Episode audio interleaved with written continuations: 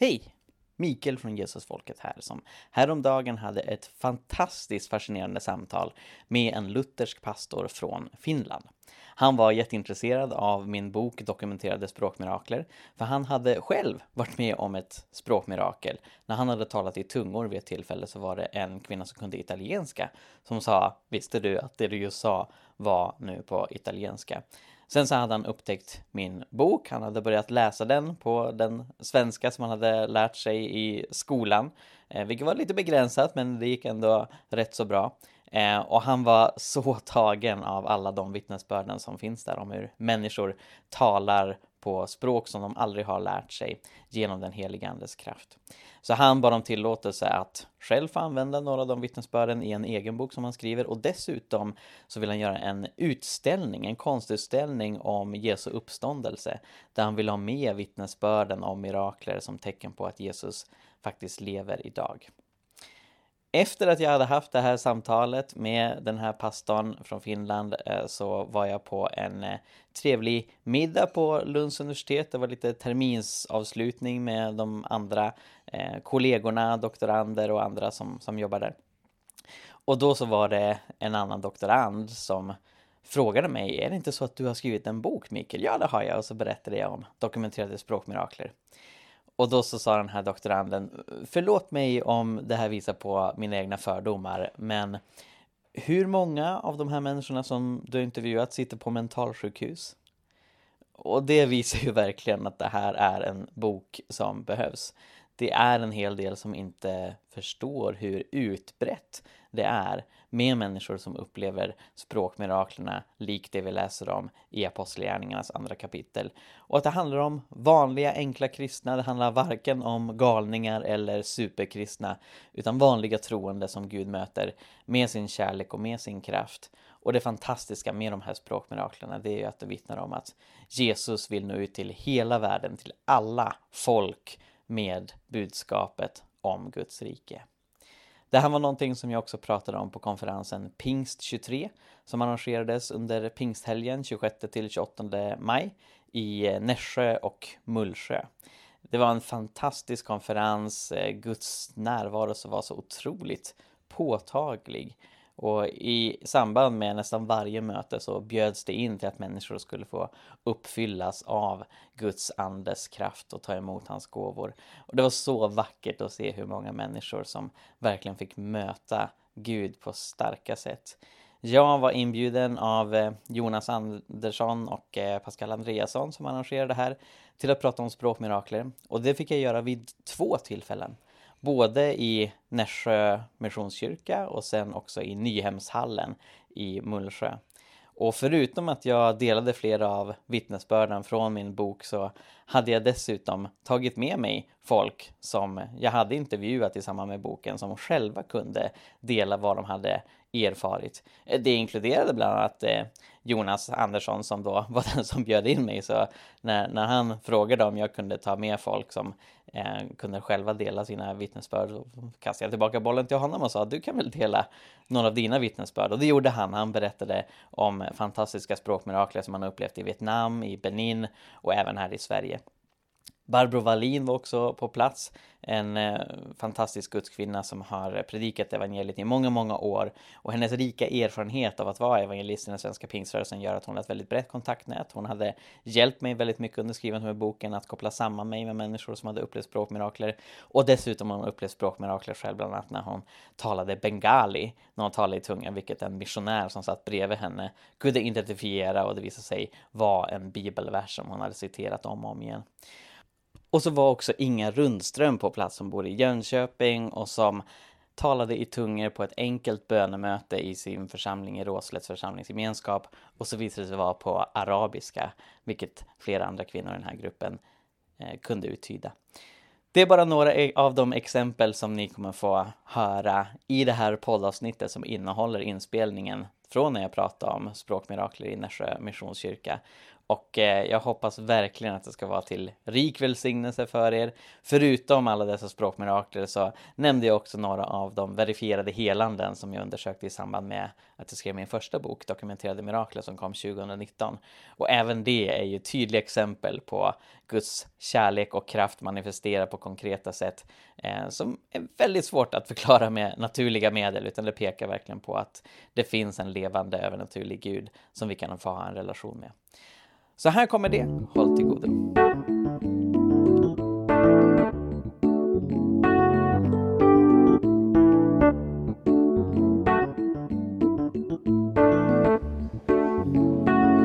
När pingstdagen kom var de alla församlade. Då hördes plötsligt från himlen ett dån som av en stormvind och det fyllde hela huset. Med de orden så vill jag hälsa er alla varmt välkomna till eh, Missionskyrkan här i Nässjö och välkommen till pingstkonferensen Pingst 23. Jag heter Andreas Karlsson och är pastor här i församlingen. Och eh, vi har stor förväntan på den här dagen, den här helgen. Och vi tror att Gud genom sin Ande är verksam på olika sätt. Han är verksam idag, precis som han var på apostlarnas tid. Och därför så har vi den här konferensen och vi förväntar oss att Gud talar till oss. Och är det så att du skulle uppleva att Gud på något sätt talar till dig, du får ett budskap, så finns det en tavla där nere, det står tilltal, det finns lappar under, du kan gå dit och så skriver du det du upplever att Gud säger och så sätter du det. Eh, om det skulle vara så att du känner att det här är så viktigt så det borde sägas framifrån, så kom till den som är mötesledare och eh, så bestämmer han eller hon om det läses upp eller om det sätts där nere. Eh, för dig som undrar så är det ju så att eh, vi kommer att avsluta den här samlingen eh, runt 12, eller lite innan 12. Eh, lunch får man äta på stan. Det är ju den riktningen. Det finns olika restauranger. Och nästa samling här är ett panelsamtal klockan 13.30. Under hela dagen så finns det också möjlighet att köpa fika och eh, frallor och grejer i kafeterian här. Eh, du kanske har sett att det finns några filmkameror i kyrksalen. Och det är så att det som sägs här framifrån kommer att filmas, men du som sitter i bänken eller du som rör dig här kommer inte att komma med. Eh, och vi kommer också att erbjuda förbön vid varje tillfälle under dagen. Vi har eh, några som står här ute, bland annat så är Världen idag mediapartner. De har en liten påse med några gåvor och några erbjudanden eh, som de delar ut efter samlingarna. Och så finns det ett bokbord här ute som representerar några olika bokförlag, så titta gärna där. Eh, innan eh, vi sätter igång här så vill jag också nämna att eh, konferensen kostar ju en del. Och vill du vara med och eh, bära det här ekonomiskt så swisha gärna till numret som, som står där på väggen. Eh, om du känner att det här vill jag vara med och stötta, det här vill jag hjälpa till.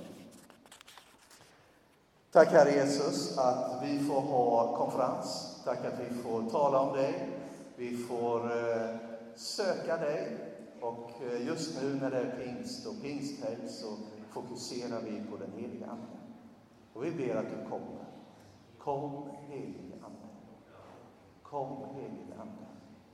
Så ber vi också att du förser med det som behövs. Vi ber att saker och ting ska funka. Vi ber också att eh, ekonomin ska gå ihop. Tack Jesus att du vill vara med och du har omsorg om oss.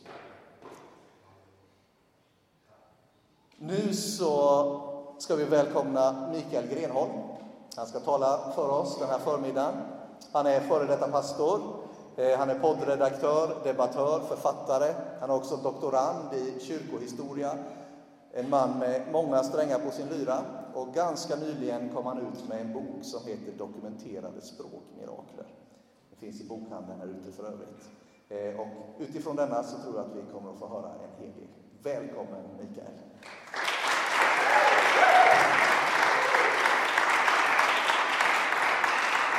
Stort tack allihop och tack Andreas. Glad pingst hörni! Glad pingst! Å ena sidan kan jag sakna att vi inte har så mycket traditioner. Vi har inga pingstgranar eller pingsägg och, och, och sådana saker. Å andra sidan tror jag att det är ganska bra, för allt det där krimskramset kan lätt distrahera från vad de kristna högtiderna faktiskt handlar om. Julen handlar om hur Gud blir människa, möter oss här på jorden. Påsken handlar om hur Jesus dör för våra synder, uppstår och ger oss evigt liv. Och pingsten handlar om hur den heliga Ande fyller oss med kraft och kärlek och mod och liv för att utföra det uppdrag som Jesus har gett oss. Jag tycker att den här konferensen är ett fantastiskt initiativ och jag skulle vilja dela med mig av någonting som jag har nördat ner mig i i flera år, nämligen mirakler som är väldokumenterade. Bibeln lovar ju på flera ställen att Gud är en övernaturlig Gud som kan göra under. Och när jag var liten, växte upp med svenskkyrkliga föräldrar, då hade jag tanken att det är bara Jesus som gjorde mirakler för 2000 år sedan, för han var speciell. Jag såg på Jesus som Stålmannen ungefär. Han hade superkrafter och kunde förvandla vatten till vin och, och uppväcka döda och sådär. Och sen det, det kyrkans roll sedan dess är att vara ett museum som minns hur häftigt det var när Stålmannen gick omkring för 2000 år sedan. Så tänkte jag. Men jag blev kristen som eh, 15-åring, det var då jag faktiskt liksom tog emot det här i mitt eget liv. Och då när jag öppnade Bibeln och började läsa vad som står där så förstod jag att tanken är inte att vi bara ska minnas det mirakulösa som Jesus gjorde, även om det finns ett stort värde i det också, utan att vi ska få gå i hans fotspår. Jesus sa själv i Matteus evangeliet 10, där ni går fram ska ni predika, himmelriket är nära och ni ska bota sjuka, uppväcka döda, göra spetälska rena och driva ut onda andar. Det ni har fått som gåva ska ni ge som gåva.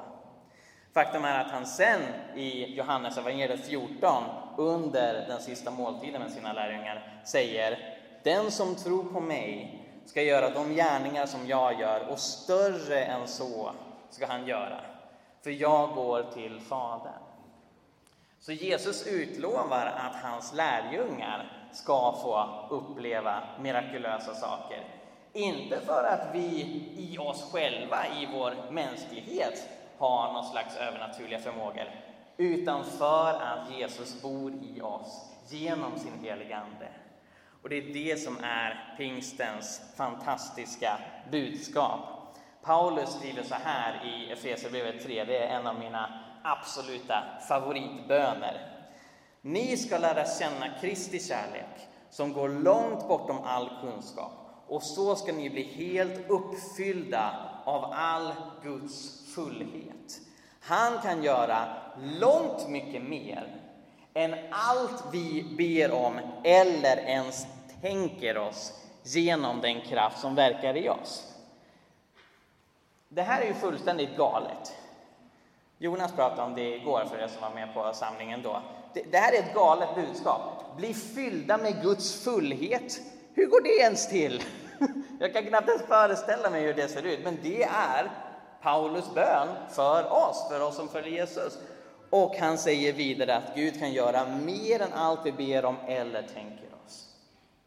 Så det är inte så konstigt att Bibeln är sprängfylld med berättelser om mirakulösa händelser.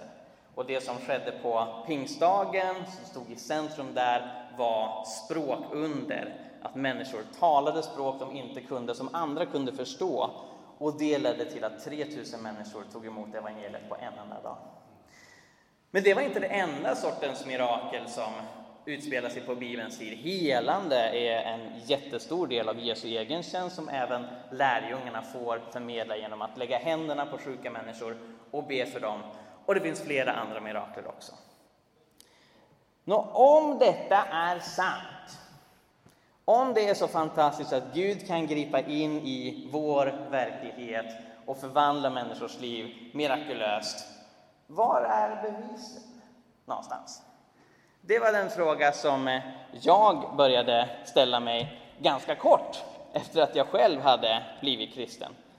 För att jag förväntade mig att i och med att människor rapporterar helanden, i och med att människor berättar om hur de har upplevt mirakulösa saker, så borde det här gå att verifiera. Det borde att titta på läkarjournaler, det borde gå att på andra sätt verkligen dokumentera att det här har hänt. Och när jag sen började bege mig ut på gatan och eh, sprida budskapet om Jesus till andra människor. Jag började engagera mig i en församling i Uppsala som heter Mosaik, eller som heter Mosaik, eh, som jag sen blev pastor för. Och vi ägnade oss varje vecka åt att gå ut på gatan och prata med människor. Jag engagerade mig också i någonting som heter Pannkakskyrkan, där vi delar ut eh, gratis pannkakor till människor och berättar om Jesus. Eh, och det har jag gjort i, i ja, vad blir det, 12-13 år och sånt där. Så med tiden så får man ganska många samtal med människor som har en annan syn på livet. Och den här frågan, var är bevisen, är jättevanlig bland människor som inte delar kristen tro. Om det nu är så här, bevisa det. Kom med dokumenten, kom med fakta. Nå, det betyder inte att det personliga vittnesbördet är värdelöst. Många gånger i Bibeln så är det just det personliga vittnesbördet som gör att människor tänker om och kommer till tro. Men det finns också tillfällen i Bibeln när människor behöver mer verifiering. Thomas tvivlaren som behöver se själv att Jesus har uppstått. Jesus till och med uppmuntrar människor som har blivit botade av honom från spetälska att låta sig granskas av översteprästen för att folk ska verkligen verifiera att det här har hänt. Så för fem år sedan så satte jag igång ett projekt jag började skriva den här boken som heter Dokumenterade mirakler, där min ursprungliga tanke var att ta alla möjliga mirakulösa fenomen som jag kunde stöta på och se om det gick att verifiera och dokumentera dem. Efter ett tag så insåg jag att det var kanske lite väl ambitiöst för en bok att liksom inkludera alla olika typer av mirakler. Det finns ju så många olika sorter. Så jag beslöt mig för att zooma in på helande. Och det då kom att leta efter var vetenskapligt oförklarliga tillfrisknanden efter bön. Det tar ganska lång tid att säga, så jag förkortar det till VOTEB. Men VOTEB syftade alltså på tillfrisknanden som sker efter bön som saknar vetenskaplig förklaring. Enligt vilka då? Enligt de läkare och experter som har undersökt dessa tillfrisknanden. Och vet ni vad, kära vänner? Det finns väldigt många av dessa voter. Det finns väldigt många som kan berätta om att de har varit med om fantastiska tillfrisknanden när människor har bett för helande i Jesu namn, där läkarna inte har någon förklaring.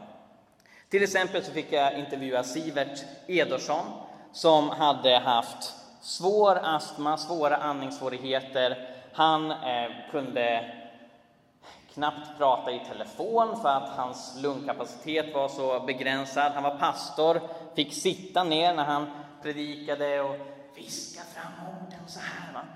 Eh, på natten så behövde han sätta på en särskild eh, mask och tillföra syre för att förhindra att han skulle kvävas medan han sov. Eh, och han gick med rullator, han kunde inte springa eller liksom åka skidor eller någonting sånt där. Men så åkte Sivert på ett bönemöte i Övre Sopporo. Och då vet man att man är norrut när man kommer till Övre Sopporo. Han hade meddelat dem, jag har väldigt svår astma och sådär, ni får se till att det inte är tända ljus och, och parfymer och sånt där. Och, och det ville ju arrangörerna se till. Men de hade missat att eh, lakanen i det rum där Sivert sov över hade tvättats med parfymerat eh, tvättmedel. Så den natten var helt fruktansvärd för honom. Och när han sen vaknade på morgonen, gick till några vänner som också var med på den här bönekonferensen, då sa han till dem, be att jag blir helad, jag är så less på det här. Och vid det här laget hade han skickats runt under flera år på olika vårdinrättningar. Han till slut hamnat på Norrlands universitetssjukhus i Umeå, där specialistläkaren Eva Norman hade undersökt honom, en av Sveriges främsta experter på astma och andningssvårigheter, och hon hade kommit fram till tyvärr finns det inget som vi kan göra för dig, jag är så ledsen. Så, så, läkarna hade gett upp hoppet om att han skulle bli frisk, men han hade inte gett upp hoppet på att Gud skulle kunna göra honom frisk. Så han bad sina vänner be för honom, de bad för helande och ingenting hände. De bad igen. Han kunde andas. Han hade med sig en liten eh, apparat för att mäta lungkapaciteten och, och kunde se att den var fullständigt normal. Så då satte han igång och tända ljus. Och när han kom hem då började han skotta snö och han tog skidorna och gav sig ur i slalombacken och hans fru stirrade på honom så här. Och inte bara det. Hans tillfrisknande förvånande överläkare Eva Norman på Norrlands universitetssjukhus. Hon skrev i journalen, han har bett till Gud och fått hjälp av Jesus.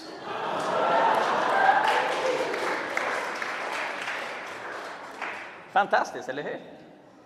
Jag har pratat med Maria som eh, bor i Flen. Hon eh, höll på att bli helt och hållet döv. Hon hade en hörselskada som var obotlig, som gick ut på att cellerna i snäckan i öronen dog en efter en. Så hon började märka att hon hade allt svårare att höra människor, svårt att hänga med i samtal, svårt att prata i telefon. När läkarna undersökte henne så var de tvungna att meddela henne tyvärr så kommer du bli helt och hållet döv. Vi ska försöka göra ett så kallat cochlea-implantat för att förhindra det. Men eh, det här är liksom de förutsättningar du behöver leva efter just nu. Och det var väldigt plågsamt för Maria när, när de hade släktträff eller liksom många människor samlade i ett rum så hade hon jättesvårt att hänga med på konversationen för hon var ju beroende av att läsa på, lappa, eh, på läpparna. Men när hon hade varit sjuk i fyra år så gick hon på gudstjänst i sin församling, Sionförsamlingen i Flen. Det var några missionärer på besök där, Per och Abby Åkvist, som berättade om under och tecken som Gud gör i Etiopien.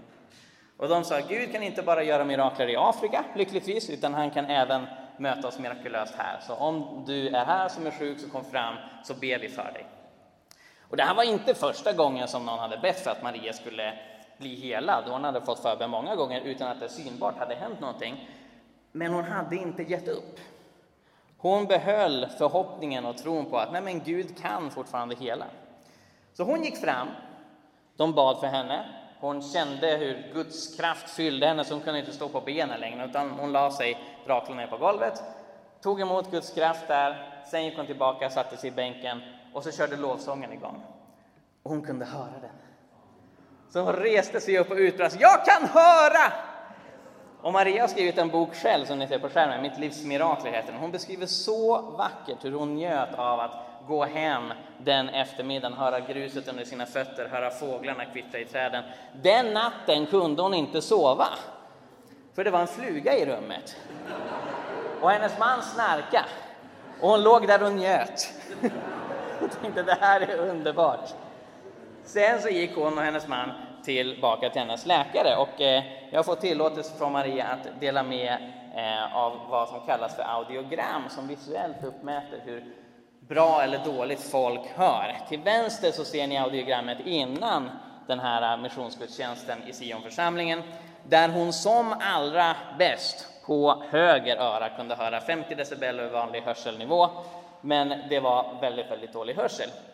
Till höger så är hennes hörsel efter det här äh, helandet. Och den är inte perfekt, det är inte liksom fladdermushörsel, Eh, utan det var fortfarande, som hennes läkare sa, normalhörseln för kvinnor i, i hennes ålder. Hon hade i princip fått tillbaka den hörsel hon hade innan sjukdomen. Och det som förbluffade läkaren var att detta var vetenskapligt omöjligt i och med att cellerna hade dött. Och nu var de vid liv. Så, så det här var inte en, ett neurologiskt helande eh, i återställande av hörsel, sådana kan också ske. Det här var uppväckande från döden på liten skala inne i Marias öron. Så hennes läkare sa bokstavligt talat, jag har ingen förklaring till detta, du kan kalla det ett mirakel. Det, det var vad läkaren sa till Maria. Jag pratade med Elise Lindqvist, ängeln på Malmskillnadsgatan i Stockholm som har vigt sitt liv åt att hjälpa utsatta människor, i synnerhet prostituerade. Hon hade cancer i slutet av 90-talet. Hennes läkare sa att den går tyvärr inte att bota och vi tror inte att du kommer leva särskilt länge till. Det är besked som läkare absolut inte vill ge, men ibland behöver ge till cancerpatienter. Elise var med på en helande gudstjänst i sin församling, Klara kyrka i Stockholm. Det var några engelsmän på besök som ledde en helande gudstjänst. Elise gick fram för att få bön för helande. Och precis som Maria så kände hon hur Guds kraft fyllde henne. Så hon eh, kollapsade. Lyckligtvis var det någon som tog emot henne så hon inte liksom ramlade ner på det hårda stengolvet i förkyrkan. Hon låg så här på ryggen, på marken. Elises tumör var i ryggen. Det var det som höll på att döda henne. Och medan hon ligger så här på rygg så sa hon till mig att hon kände hur det var som händer masserade hennes rygg underifrån. Jag kan bara se två teorier till det. Antingen var det en väldigt flitig mullvad som lyckades ta sig igenom hålet i Klara kyrka, krafsa lite på Elise och sen liksom täcka igen spåren efter sig. Och det måste man väl tänka om man är naturalist gissar jag. Det andra alternativet är att Gud faktiskt gjorde ett mirakel. För det var ingen människa som liksom lyckades klämma in sina händer där, utan hon upplevde något övernaturligt. Och det som stärker att det var ett mirakel och ingen mullvad, det var att när Elisa gick tillbaka för att göra en uppföljning hur det gick med tumören var den helt och hållet borta.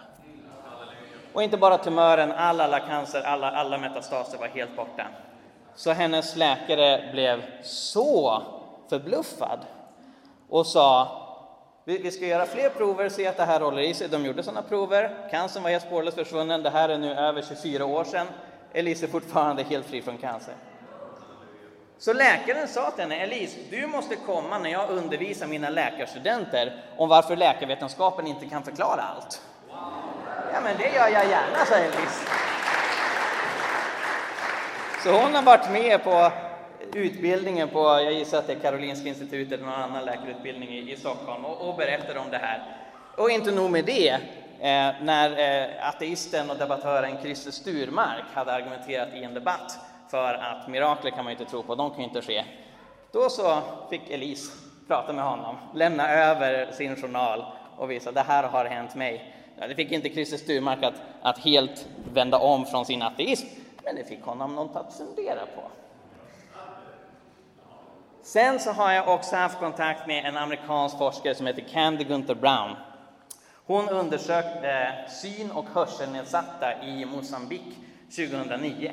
Hon åkte dit med eh, några läkare för att göra en vetenskaplig studie om hur bön påverkar hälsa.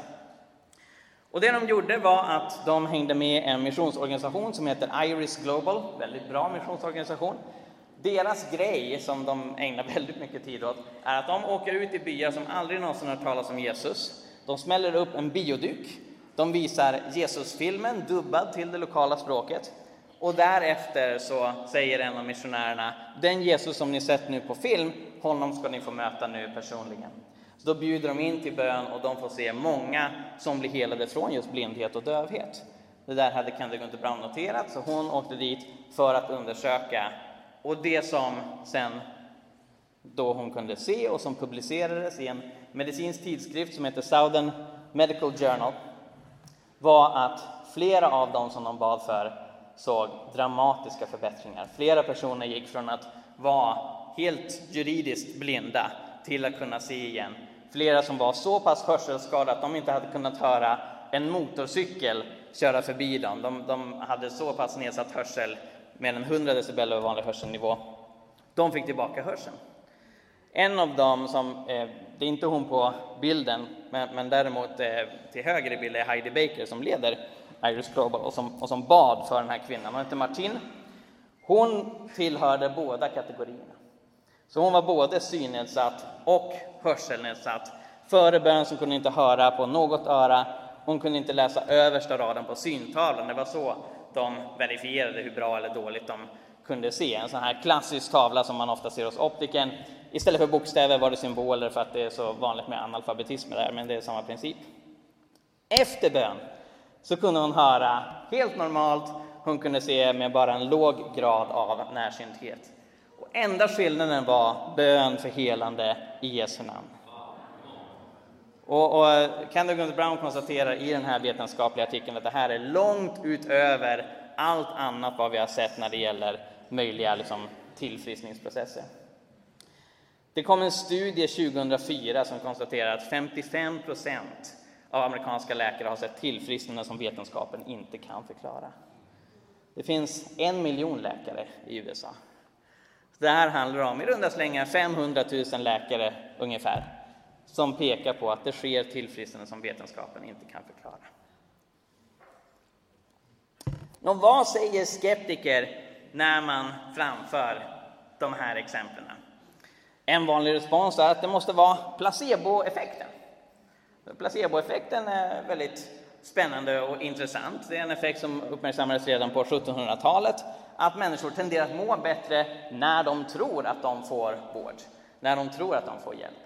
Eh, så man kan se det att om man får ett piller som egentligen inte är medicin utan det är bara ett sockerpiller så kan en del må bättre bara för att de tar pillret. Och då är det flera som har resonerat att då måste det vara samma sak med bön. Att bara det faktum att någon ber för någon gör att man mår bättre.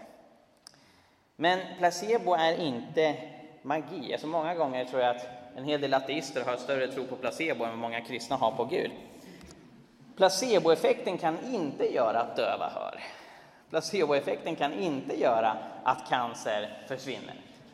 Utan det placeboeffekten gör, det är att den fungerar ungefär som en kram.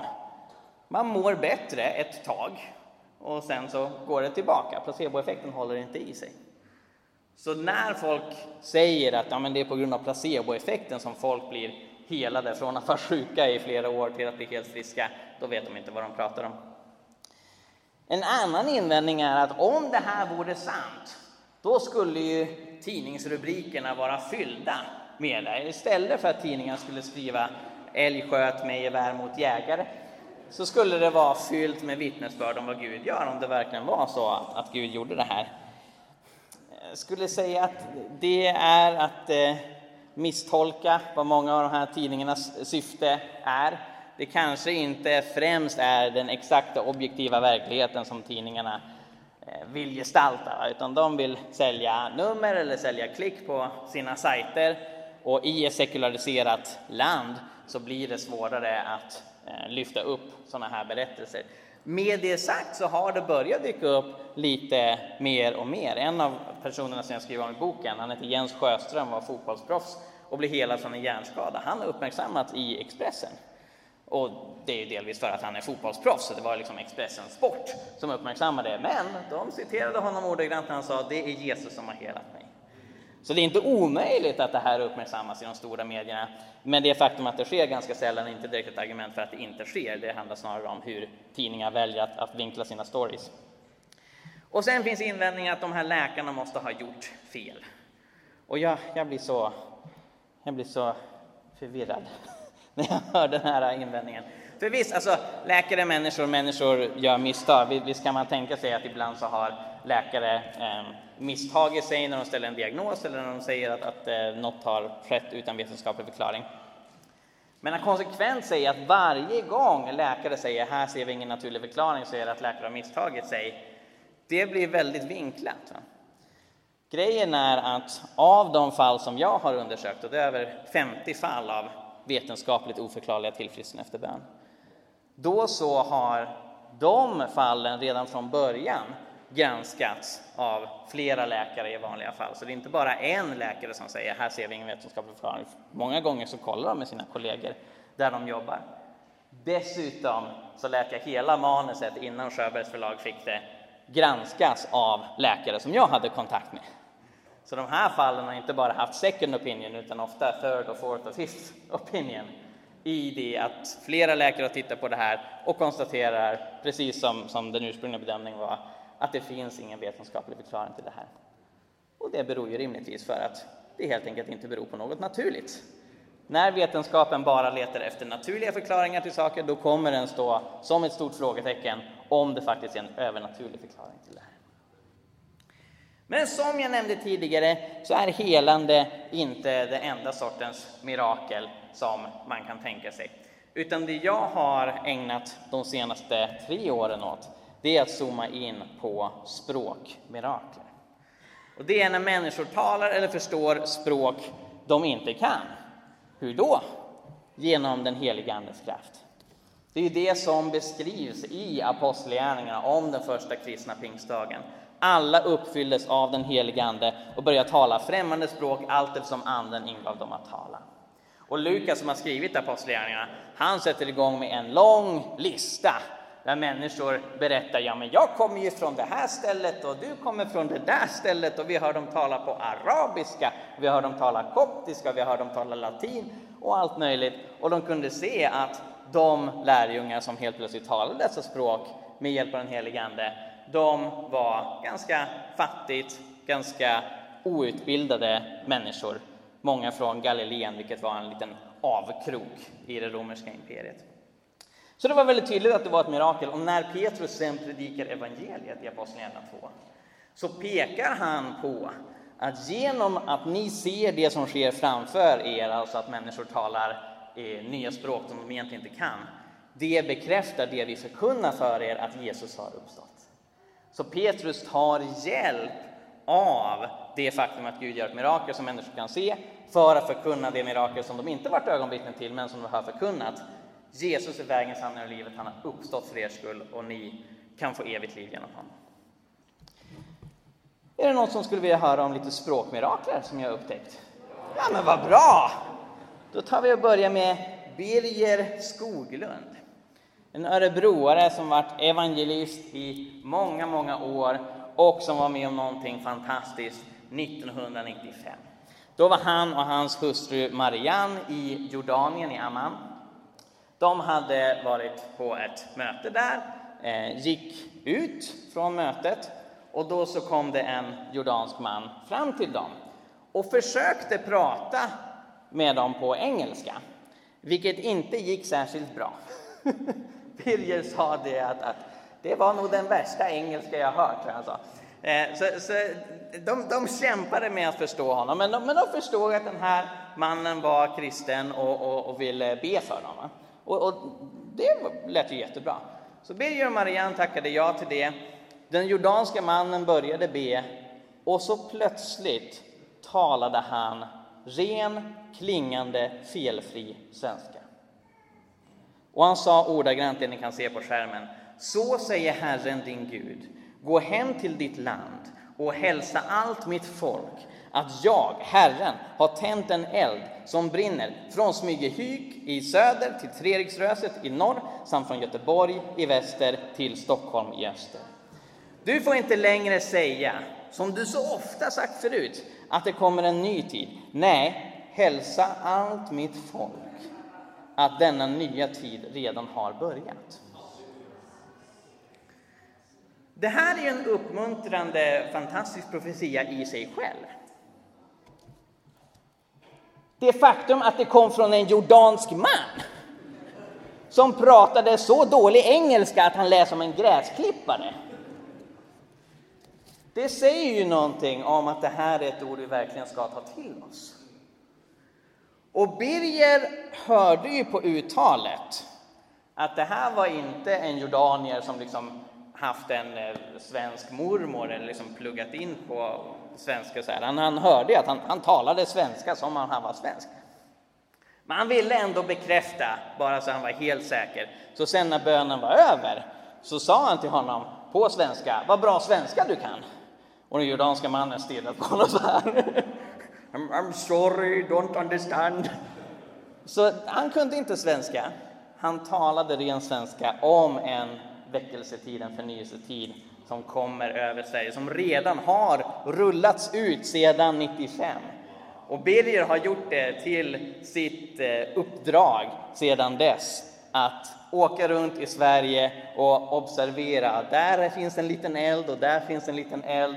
Och han ber och uppmuntrar och, och, och längtar efter att de här små eldarna som liksom har varit på olika platser i, i många år ska komma samman och inleda en fantastisk förnyelsetid för oss. Jag har pratat med en pastor som heter Mikael, precis som jag själv. Han heter Mikael Lattinen, bor i Tierp, pastor i Nordupplandskyrkan där. Och han har i många år åkt på missionsresor runt om i världen, bland annat till Sri Lanka. Han besökte för några år sedan ett rehabiliteringscenter där som eh, han och hans församling och flera andra församlingar förstås eh, stöttar för att hjälpa srilankeser som vill ta sig ut ur missbruk. Och när de är där så pratar han med eh, eh chefen för rehabcentret som heter Manjo, som då är en srilankesisk eh, metodistisk kristen. Och han uppskattar ju att få hjälp från de här pingsvännerna i Sverige. Samtidigt tycker han att de är lite besvärliga. Och, och han, han, han, säger det där, ja, nej, men när ni har möte så kanske ni ska ta det lite lugnt med alla karismatiska uttryck och sådär. Det var inte så att han var rent anti, men, men han, han, tyckte att det var väldigt svårt med det stökiga som kan uppstå när, när den heliga Ande gör sin grej. Eh, och, och, han, han eh, ja, försökte liksom försiktigt uttrycka det, att, att eh, eh, det, det vore bra om ni tonar ner det där. Sen så ska de då ha ett möte, Mikael gör sig redo att dela någonting från Guds ord.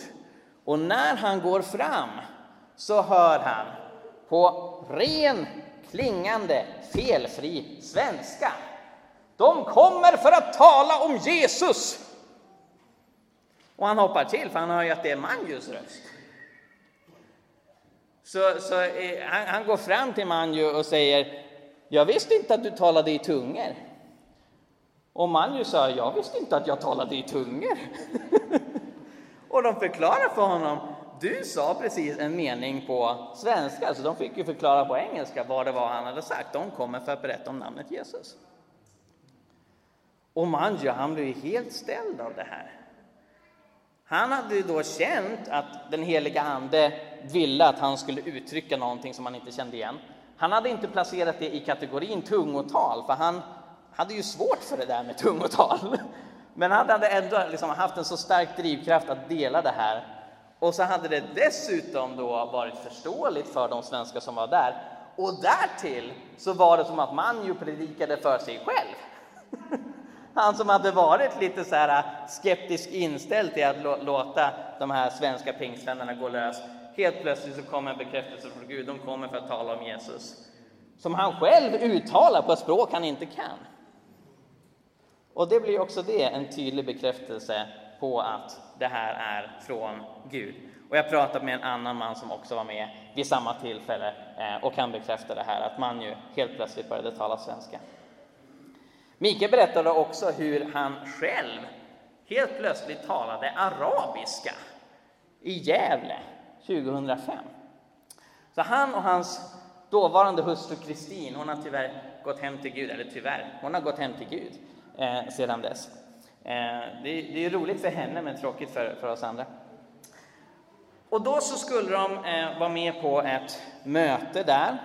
De eh, hade varit lite väl tidsoptimistiska. Så mötet skulle börja klockan sex och den var väl tio eller fem i sex eller något sånt där. Och de åker från parkeringshus till parkeringshus och massa olika parkeringsplatser. Och det var fullt överallt, för det pågick en stadsfestival samtidigt. Och Mikael, han brast ut i tungotal och, och liksom eh, ville koppla upp sig till Gud på, på ett sätt som, som eh, inte krävde hans egna intellektuella kapacitet för att formulera ord. Men då hans hustru som kom från Irak, Kristin, hon brister ut. Du pratar arabiska! Pratar jag arabiska? sa Mikael. Ja, du pratar arabiska! Och du säger att det finns parkering! Så då hade han på arabiska gett dem själva instruktioner för var de skulle kunna hitta. Och det var ett av de stora parkeringshusen, så de hade inte ens bemödat sig att ta sig dit, för de tänkte med Stadsfestivalen kommer väl det vara fullt. Men de åker dit och där fanns det parkeringsplats.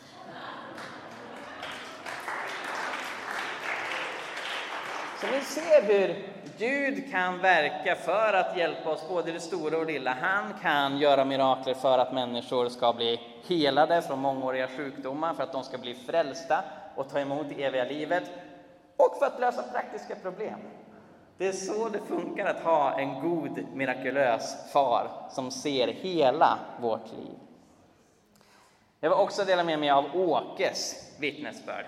Åke har också gått hem till Herren för fyra år sedan ungefär. Han växte upp i den lilla byn Juxnoret i Västerbotten. Han hade sex års folkskola, eller om det till och med var, var mindre än så, i bagaget. Han kunde inget främmande språk. Det enda han kunde tala var grov västerbottnisk svenska. Hela hans eh, arbetsliv hade han spenderat antingen i skogen eller på fabrik. Så han var en väldigt enkel man med en varm tro på Gud.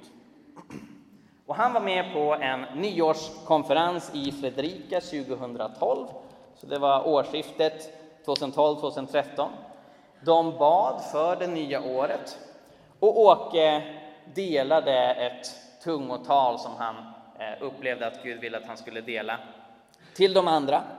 Efter att han hade delat detta tungotal så var det en eh, pensionerad läkare på plats, en psykiatriker vid namn Henny Palmer, som kunde ge uttolkningen om detta, att det handlar om Guds storhet, omsorg och Guds tankar och planer för oss. Sen visade det sig att den här uttolkningen som Henny hade delat, det berodde inte främst på att hon fick liksom profetisk inspiration vad det här betydde, utan hon hade direkt översatt.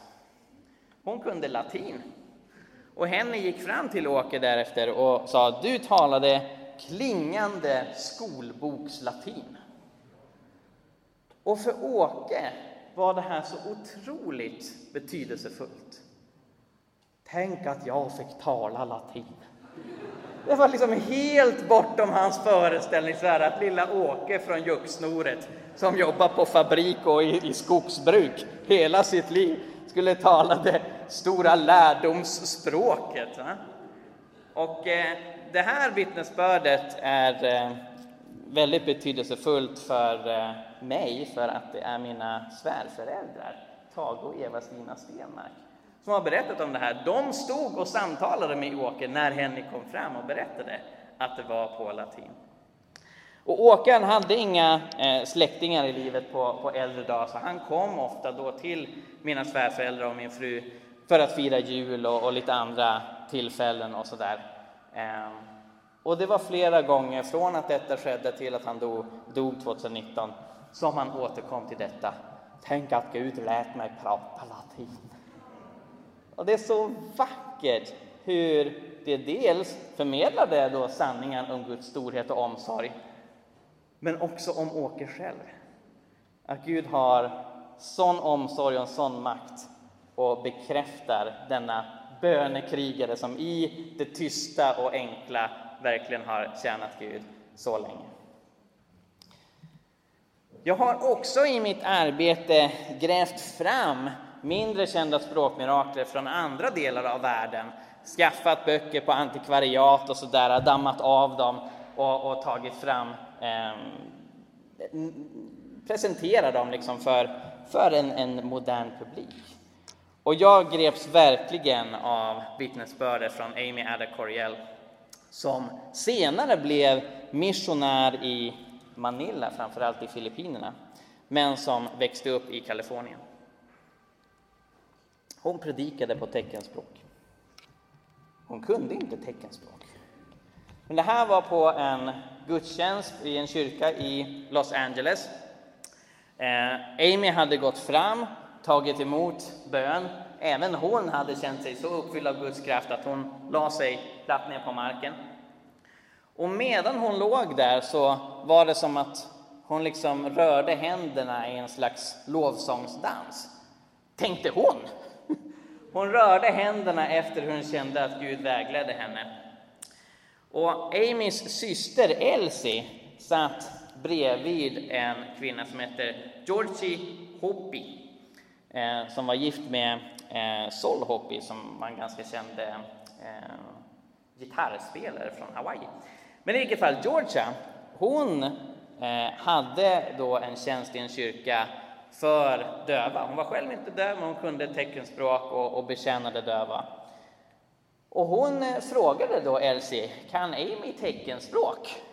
Nej, det kan hon verkligen inte. Nej, men för just nu predikar hon om Jesus dog för våra synder.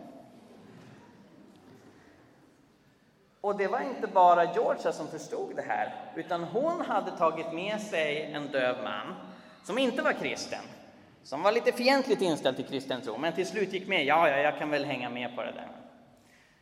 Och han blev så berörd av den här predikan som pågick i två timmar. Alltså hon låg där framme och liksom fortsatte röra händerna även när liksom resten hade gått ut för fika eller vad de har i USA.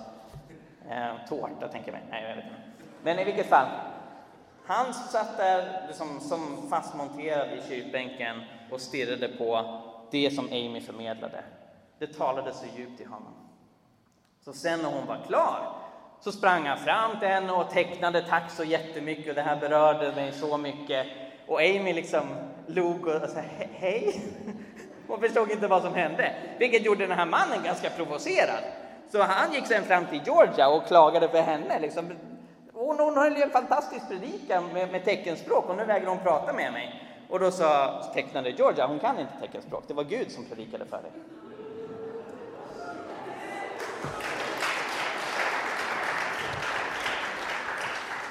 Den mannen blev frälst där och då.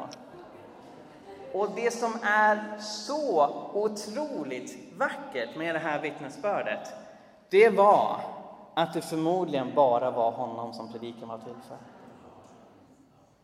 Jesus säger att Gud är den som lämnar de 99 fåren som redan är i fållan för att bege sig ut och hitta det förlorade fåret, det enda förlorade fåret som han älskar och vill föra tillbaka. Det här var en predikan som var designad för den här mannen för att han skulle få ge sitt liv till Jesus där och då, och det gjorde han. Det första språkmiraklet jag kom över involverade en kvinna som heter Tola, som bor i Stockholm, men kommer som ni kanske gissar från Finland ursprungligen.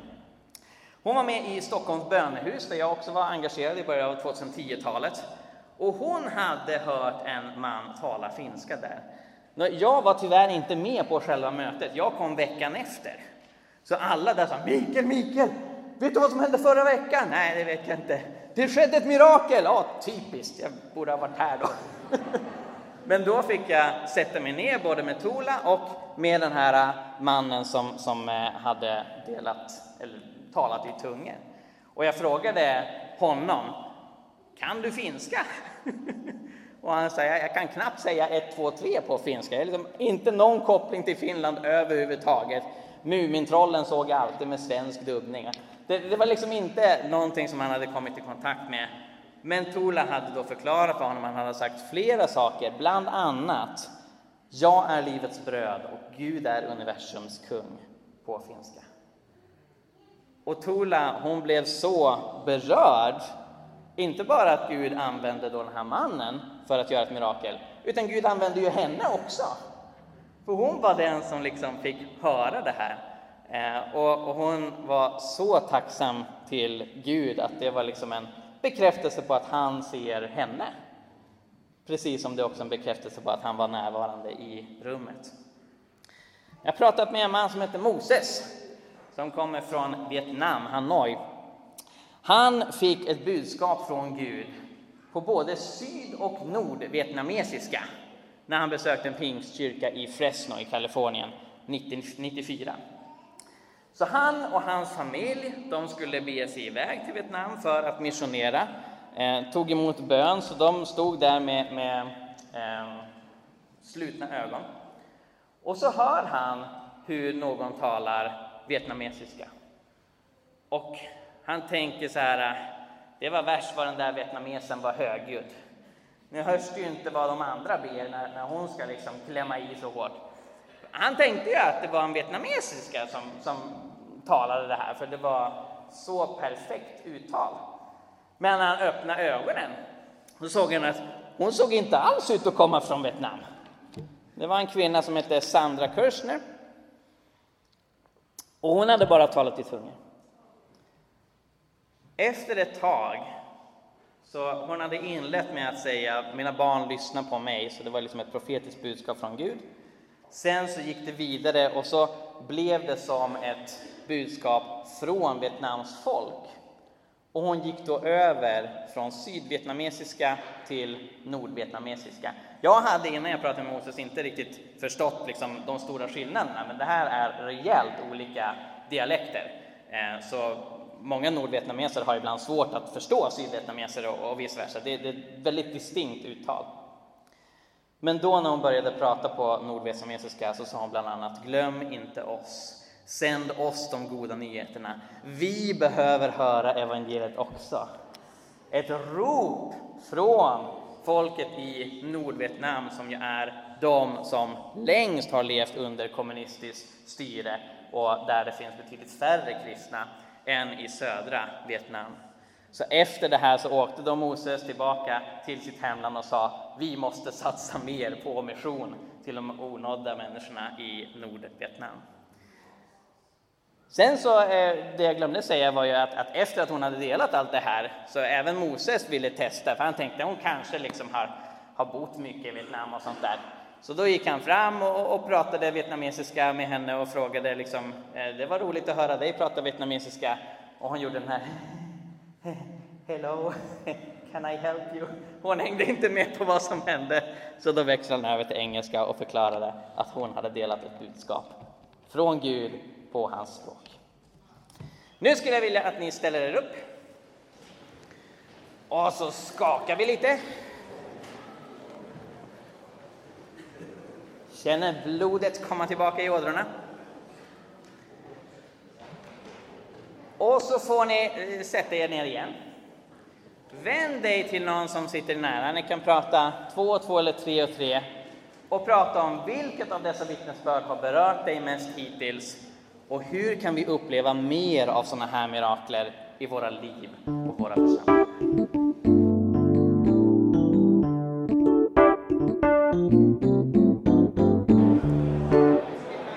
Då så, kära vänner. Det är fantastiskt att eh, höra hur eh, samtalen sorlar. och det märks att det här är någonting som berör och som många känner en hunger efter att få uppleva mer. Och det har jag verkligen också känt. Ju, ju mer jag liksom läser och intervjuar och, och, skriver om det här, desto mer känner jag, åh Gud, ännu mer. För att det är så tydligt att Gud uppenbarar sin godhet och kärlek och kraft genom de här händelserna. Och jag tänker, vi kommer ju prata mycket mer om just det här, hur vi kan uppleva mer av dessa händelser i våra egna liv och i våra församlingar under den här helgen.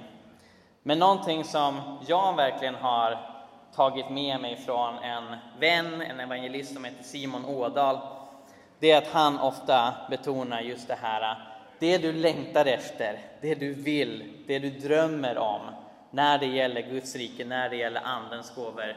Det är klart att Gud vill det för dig. Så om du känner så här, åh, jag vill uppleva mer av detta, det är en bön som Gud älskar. Jesus beskriver i evangelierna hur vi ska bulta på dörren, hur vi ska vara ihärdiga i vår bön. Och gör en ganska rolig poäng av att om till och med en sur och butter domare till slut ger med sig när man bultar på dörren och, och vill prata med honom, ska då inte Gud höra dina böner och din längtan? Nu har ni fått höra mig prata en hel del, men det som är så fantastiskt det är att flera av de personer som jag har intervjuat för det här bokarbetet, de är här. Och ni ska få höra på några av dem. Allra först hade jag tänkt att vi skulle lyssna till Bernt Einarsson. Och han ville gärna komma, men eh, han har blivit sjuk, tyvärr. Så jag ska göra mitt bästa för att dela hans vittnesbörd utifrån det han delade med mig. Han har, som ni kan se på skärmen, vid två tillfällen upplevt att människor har talat felfri, flytande svenska och framfört hälsningar från Gud. Det första av de tillfällena var när han bara var nio år gammal. Det var på hans självaste nioårsdag hans födelsedagskalas. Och då så har jag skrivit så här utifrån då min intervju med honom. Bernts föräldrar, Einar och Anna Johansson, var missionärer i Kina. Och när inbördeskriget mellan Mao Zedongs kommunistrebeller och Chiang Kai-sheks statliga armé nådde sin kulmen 1949 så var Bernt och hans familj fast i staden Baoshan i den södra provinsen Yunnan.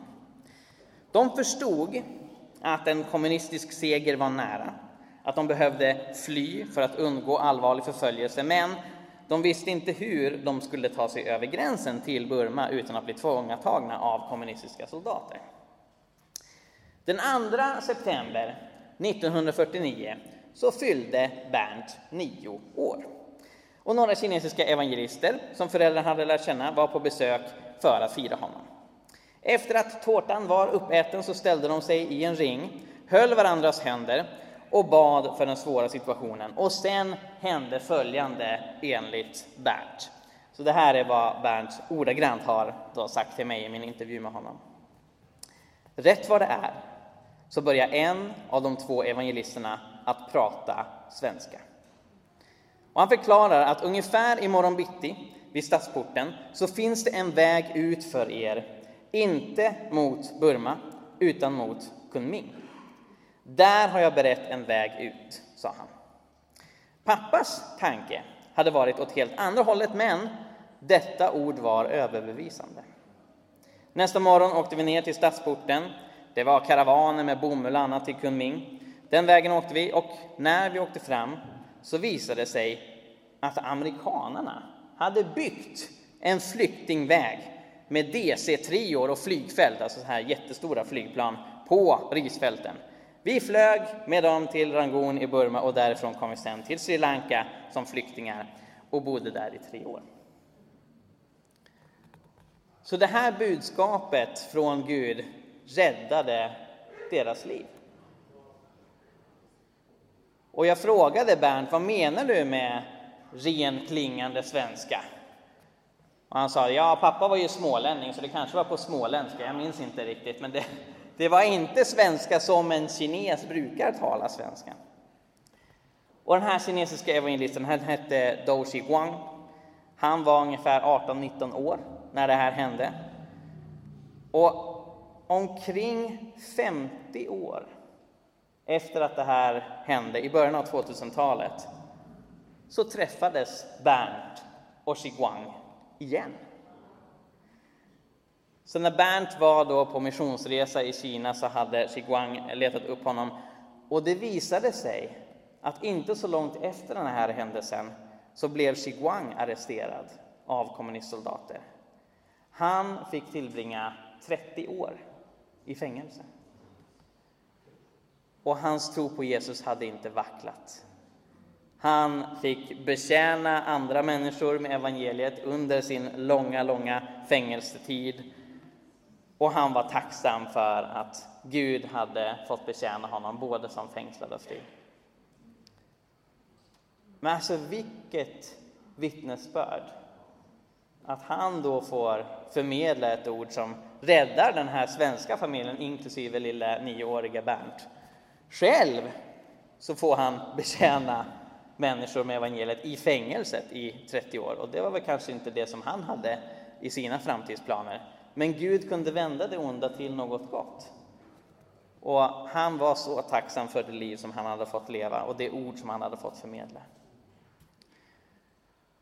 Sen så i början av 70-talet så fick Bernt uppleva en gång till att en människa som inte kunde svenska plötsligt delade ett ord från Herren på svenska. Så då hade Bernt och hans hustru Britta blivit missionärer i Etiopien. Och 71 så begav sig Bernt ut med några etiopiska vänner upp på en bergskedja nära Awasa. Han som eh, hyrde ut eh, hästar till dem sa du, du behöver inte bara hästar där uppe, du behöver det här också. Så gav han Bernt en pistol. Och Bernt sa nej, nej tack, jag klarar mig utan det. Men det var ju en, en, signal på att det här var långt ifrån ett ofarligt ställe och de tog sig till en folkgrupp som inte trodde på Jesus utan de tillbad djävulen, bokstavligt talat. De tillbad den onde, det var deras gud. Eh, och, och, de visade med all önskvärd tydlighet att de ville inte att missionärerna skulle vara där. Så de, trots att de hade ägnat massa dagar åt att ta sig upp på bergen, ta sig till den här byn, så blev de utjagade i princip eh, från eh, den här byn. Och hade det inte kommit en stor dimma, då hade det kunnat gå riktigt, riktigt illa för Bernt och de andra missionärerna. Men, men som det nu var, och Bernt tror ju att det var Gud som skickade den dimman, Eh, så, så kunde de komma bort från den här eh, fientligt inställda satanistbyn. Bernt var ju ganska desillusionerad efter det här. Men de försöker ta sig ner från bergen och så helt plötsligt så dyker det upp en man Först tror de att det kanske är en av då krigarna från den här fientligt inställda byn. Men det var det inte. Det var en kristen man som ville erbjuda dem sin gästfrihet. Så han bjuder in dem till sitt hus och medan Bernt var tacksam för att få ett varmt mål mat eh, i magen och en säng så kände han sig väldigt besviken på Gud. Han tänkte det, det skulle inte bli så här. Den här byn var verkligen en by som Gud hade lagt på Bernts hjärta och han hade blivit så chockad av det här fientliga mottagandet. Gud kunde vad han hade sett inte gett någon, eller hade inte gett någon förvarning om, om vad, vad som skulle ske. Och sen senare på natten, så även om han var tacksam för den här sängen som den kristna mannen hade gett honom, så upptäckte han att den hade ju loppor i sig. Då var det inte lika kul att ligga där. Han gick ut och satte sig utomhus eh, vid midnatt ungefär. Och när han satt där och tittade på fullmånen så kom Eh, hans värd ut och satte sig bredvid honom. Nå, de kunde inte riktigt samma språk. Eh, det finns ju mängder med språk i, i Etiopien. Eh, så Bernt liksom försökte kommunicera med, med händer och ljudeffekter. Jaha, har ni några vilda djur här i närheten? Grr. Eh, och sådär. Och, och den etiopiska mannen kanske trodde att han pratade om något helt annat. Men eh, sen så kom de överens om att vara tysta en stund. Så de satt och, och lutade sig tillbaka i månljuset. Och då så började den etiopiska mannen tala svenska. Bernt sa, det var så klart och tydligt, riktig svenska, och han talade om skapelsen. Guds storhet i skapelsen, månen, stjärnorna, himlavarvet. Det finns ju en psalm i Psaltaren om det. Han sa inte riktigt samma ord, men eh, det var liknande. Och han sa, jag har skapat detta med Guds röst. Och sen så kom han in på min kallelse. Jag är skaparen, jag har kallat dig in i uppgiften. Och när Bernt berättade det här för mig i telefon, då, då sprack rösten vid det här laget. Då, då blev han tårfylld. Och så berättade han, han sa, den tid som ligger framför Etiopien ska du få vara med om en väckelse som jag sänder i området där du och din familj jobbar. Vi hade två barn från Etiopien. Han talade om Guds omsorg om familjen, hans beskydd, att det skulle komma svåra tider, men också väckelsetider. Han sa att Gud, Jesus och den helige Ande skulle vara med oss hela tiden. Och sen satt vi där ute hela natten och sa inget mer. För sju år sedan så var Bernt tillbaka i Etiopien. Han och Britta tittade på allt det arbete som hade växt fram sedan dess. De hade ju varit kvar i Etiopien längre, även efter den här tiden. Och allting som den här mannen hade profeterat hade inträffat. Deras arbete hade vuxit eh, rejält och det hade byggts kyrkor, det hade byggts skolor. Eh, området var förvandlat. Va? Och, och Bernt var där och, och noterade att när han besökte en by uppe på bergen att det här är ju inte så långt ifrån där jag fick träffa den här mannen som talade svenska och profeterade över mitt liv och talade om Guds skapelse.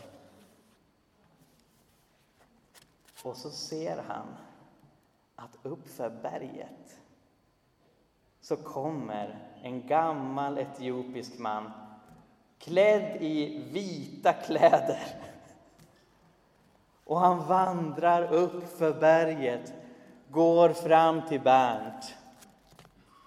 Och så var det samma man. Och han berättade, Gud talade till mig om att du skulle vara uppe på det här berget idag. Så jag tog på mig de finaste kläder jag hade och var så tacksam till Gud för att jag skulle få träffa dig igen. Visst är det fantastiskt? Och, och det är just det. Jag, jag kan ju liksom som uppvuxen i Sverige tycka att det liksom är coolt på, vad ska man säga, en grundläggande nivå att Gud kan tala svenska. Det är ju praktiskt och häftigt. Men det finns ju också något så mycket djupare här. När Bernt var så nedslagen, tvivlade på sin kallelse, så Gud sände den här gudsmannen till att förmedla en så stark bekräftelse Det här är din plats. Det här jag vill att du ska vara. Och att Gud har sån omsorg. Varken Bernt eller den här mannen hade planerat att träffa den dagen. Gud såg till att de träffades. Visst har vi en underbar fader i himlen? Ja, det, det är det som är så fantastiskt med de här vittnesbörden, att de säger så mycket om vem Gud är och vad Gud vill göra. Nu ska ni få höra på en annan person som har varit med om ett språkmirakel. Jag vill välkomna Inga att komma fram. Ge en applåd till Inga.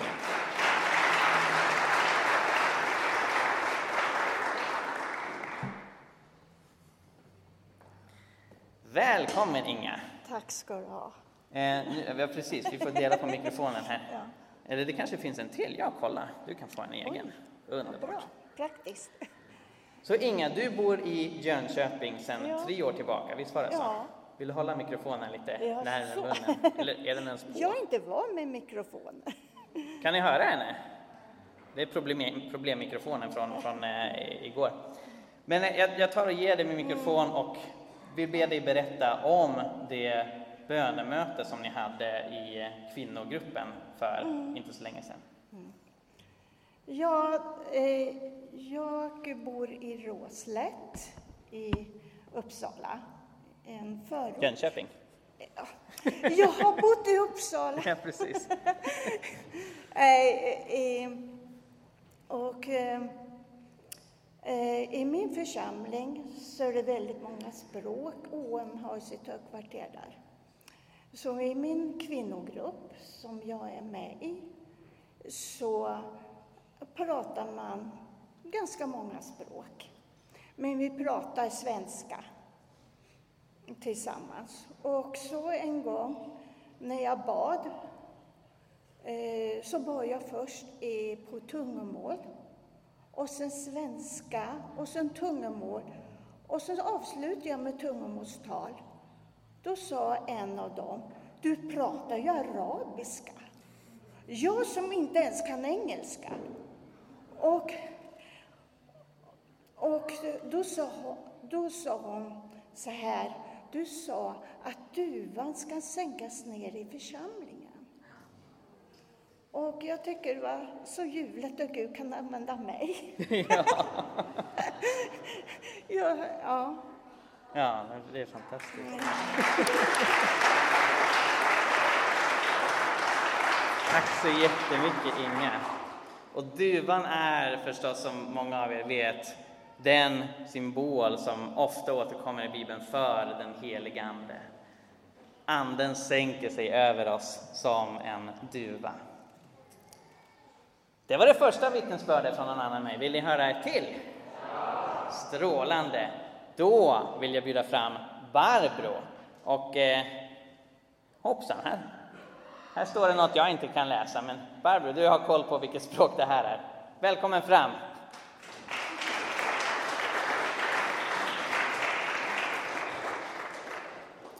Och Barbro hon har varit en sån hjälp i skrivandet av den här boken. Eh, både med att dela egna vittnesbörd och att eh, koppla samman mig med andra som har upplevt språkmirakler.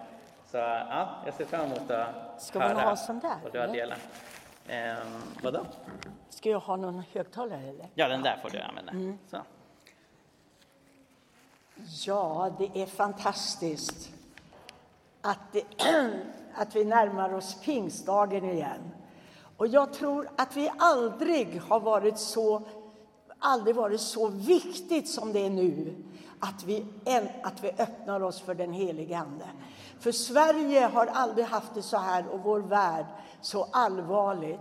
Så tänk vilken förmån att få tala i tungor. Ja, var ska man börja? Jag kanske bara snabbt ska säga att när jag var 13 år och åkte till Drakudden och farbror Julius ber för mig. Han vill att jag ska bli andedöpt och jag också ville det. Och det kommer ett halvt ord över min, mina läppar. Och jag knep ihop munnen och vågade inte säga mycket. Men kvällen efteråt så bara bröt det igenom alltså. Så jag låg och talade i tungor på natten, de kunde inte sova på logementet där. Men jag har faktiskt fått tala i tungor i 70 år nu alltså. Är inte det otroligt?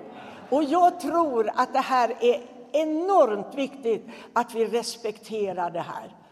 Eh, jag skulle vilja läsa ett bibelord innan jag fortsätter. Första Korinthierbrevet 14 och 18. Jag har aldrig hört någon eh, aldrig hört någon predika av det här ordet och det har inte jag heller gjort. Och så står det så här. Jag tackar min Gud. Jag talar tungomål mer än ni alla. Vem skulle våga predika över det ordet? Men tänk att jag tror att Paulus visste att det är viktigt att tala i tungor. Och man kan be i tungor. Och då tror jag att Herren tar emot de orden, verkligen. Arne Winedal brukar säga när man inte vet vad man ska be, då är det jättebra att tala i tungor. Tänk om vi kunde få uppleva hur den helige Ande hjälper oss och få leva i bön och få ett förvandlat land. Det tror jag Herren vill. Hur kom jag med i den där boken? Ja, det var så att en annan Inga, var det en kompis till mig, hon ringer till mig och säger, jag har hört två pingstpredikningar, det, så det är snart ett år sedan då det här hände. Va? Jag måste bara dricka lite grann. Två pingstpredikningar, det var Andreas Nilsen och Daniel Brolin. Daniel Brolin han predikar i Thailand på engelska och berättar att han hade en kompis som var muslim, var med på mötet och bakom honom så sitter denna Inga och hon sitter och talar i tungor och han är så rädd om sin muslimska vän så att han retar sig på det. Det gör ju inte han annars, men han var så rädd för att han skulle ta det på fel sätt. När mötet är slut så pekar han på Inga och säger, kan hon persiska? Nej, det kan hon inte. Men det tungotalet gjorde att den här killen blir frälst. Åker till Iran och läser Bibeln och allt sånt där. Tänk bara så lite det behövs för att någon kan bli helt överväldigad. Ja, och då ringer jag till Margareta Reinholdsson änkan efter pastor Ove Reinholdsson, och berättar det här. Hörru du, vår son Emanuel har blivit uppringd av Mikael Grenholm angående språkmirakel. Kan inte jag få ge honom ditt nummer? Och så blev det att jag hamnade i den här boken lite grann. Och, och eh, vad heter det? Eh, det är ju otroligt fantastiskt alltså. Eh, det här som står där uppe då, de där orden.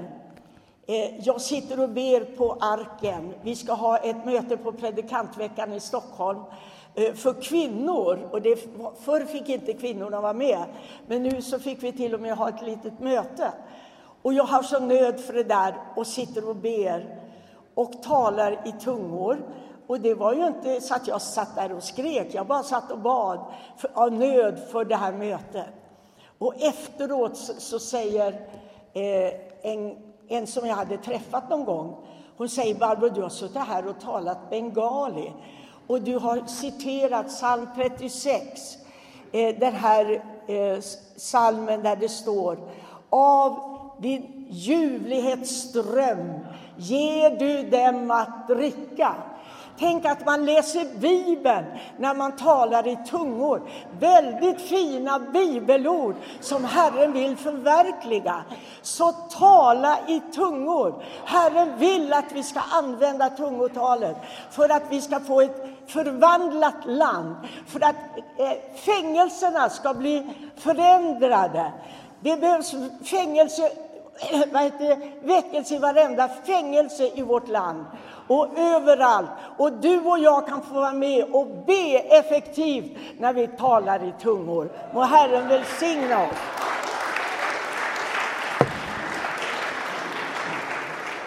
Tack så jättemycket Barbro. Och eh, det finns ännu fler vittnesbörd också som Barbro har delat med sig av i boken. Jag tycker det är så underbart just mångfalden i det som Gud delar när han gör de här miraklerna. Det här är alltså bengali för det här bibelordet psalm 36. Av din ljuvlighetsström ger du dem att dricka. Så Gud kan citera sitt eget ord, han kan förkunna evangeliet, han kan profetera om framtiden eller erbjuda parkeringsplats. Allt det ryms inom det Gud vill förmedla till oss. Och vi ska få höra på en person till som också upplevt flera olika språkmirakler. Initiativtagaren till denna konferens och en fantastisk eh, arbetare för Herrens rike. Ge en applåd till Jonas Andersson.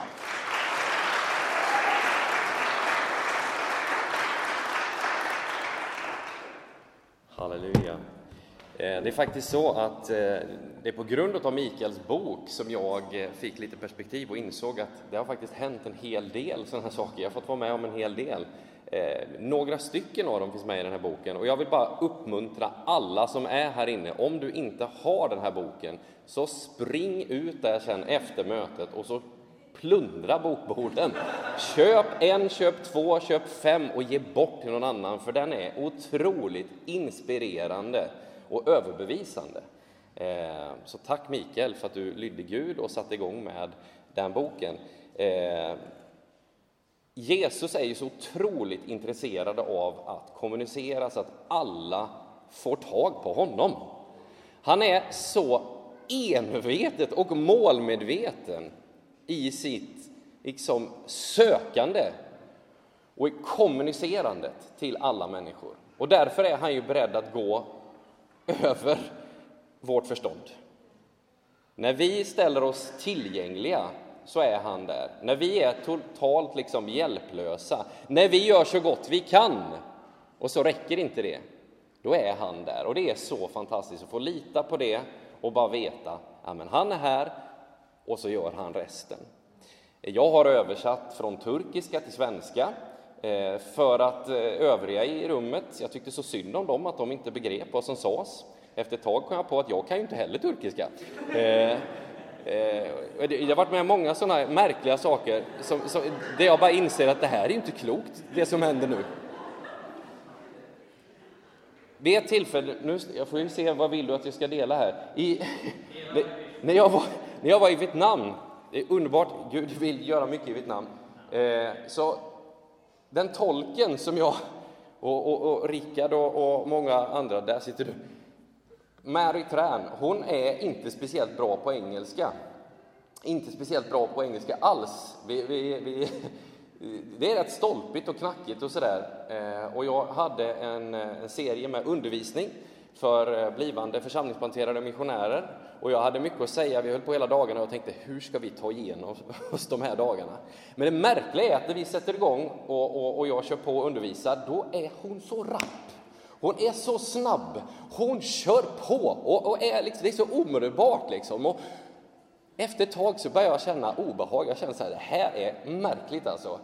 Och så tänker jag, okej, okay, hon tycker att jag har väldigt dålig undervisning, så hon kör sitt eget race. Hon, hon, hon hittar på, hon har någon annan undervisning här som hon tycker är bättre. För så här bra kan hon inte plocka upp eh, liksom min engelska. Så jag, jag, efter ett tag så bara, äh, men vad är det som händer? Så jag, jag tänkte så här, nu ska jag, och det var lite i köttet kanske, men jag, jag måste testa henne. Eh, så jag tänker så här, nu kör jag på. Nu gör jag inte som jag har blivit skolad och lärd när man har en tolk, att man får vänta in och, och liksom låta dem få chansen, utan nu kör jag på. Jag vet inte hur länge det var, men det var säkert fem minuter. Jag bara matade på, jag drog knappt luft.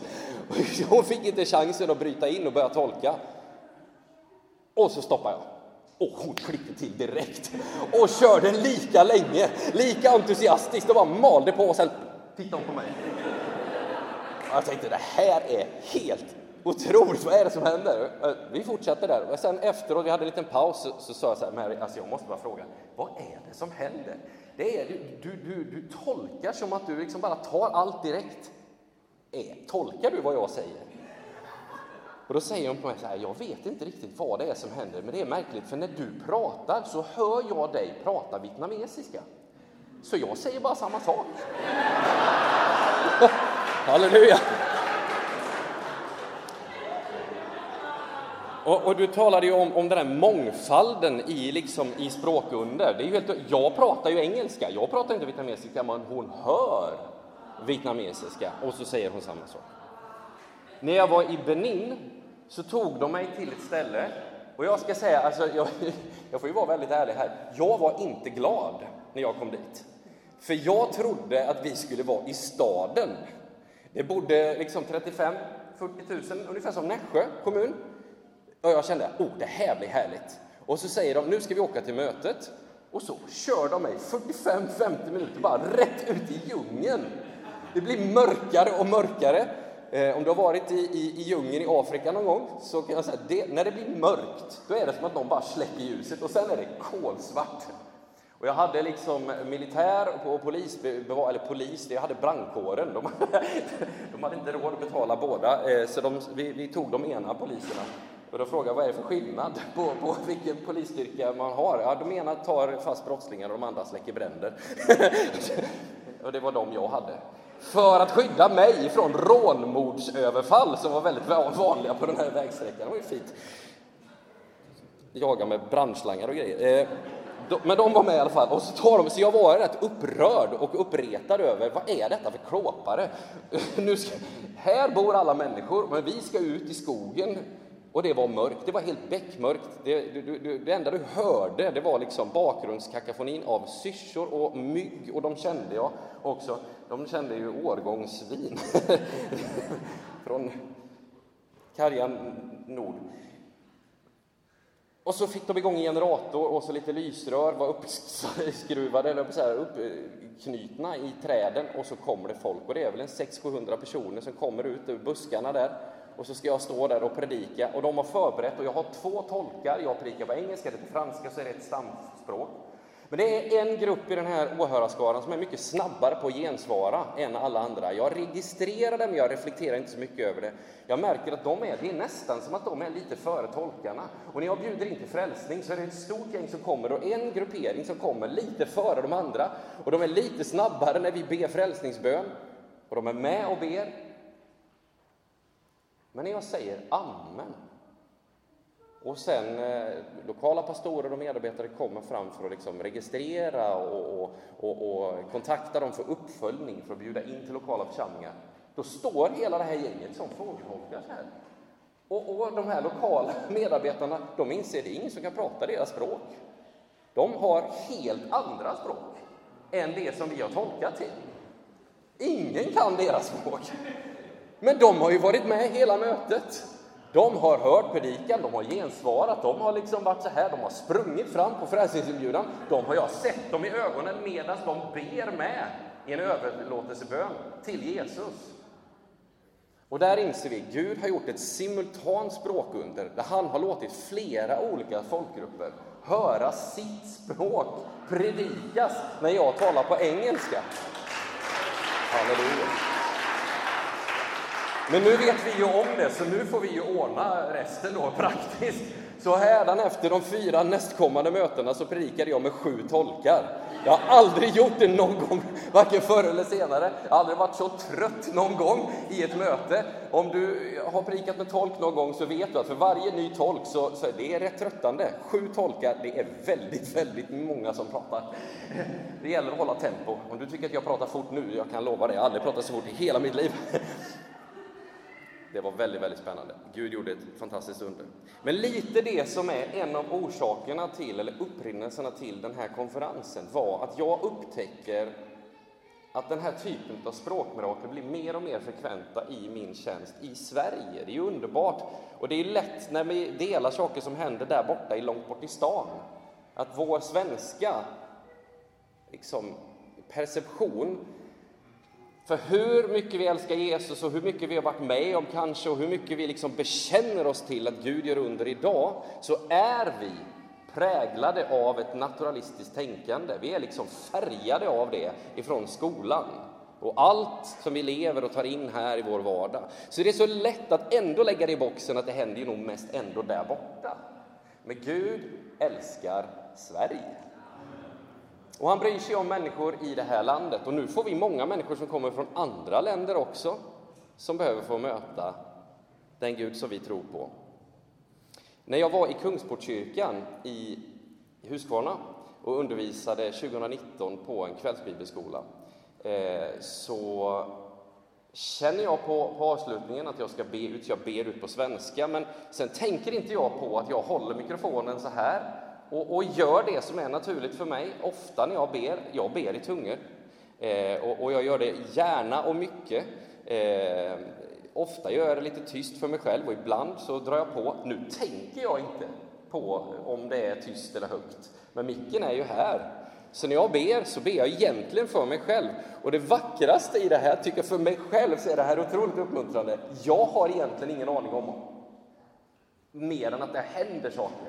Gud talar och gör saker, men jag vet inte själv vad det är som är sagt. Det är Mikaels intervju och att jag har läst boken som gör att jag vet vad det är som har hänt. Jag fick bara ett kvitto på att nu gör Gud någonting, men jag själv har ingen aning om vad det är förrän flera år senare.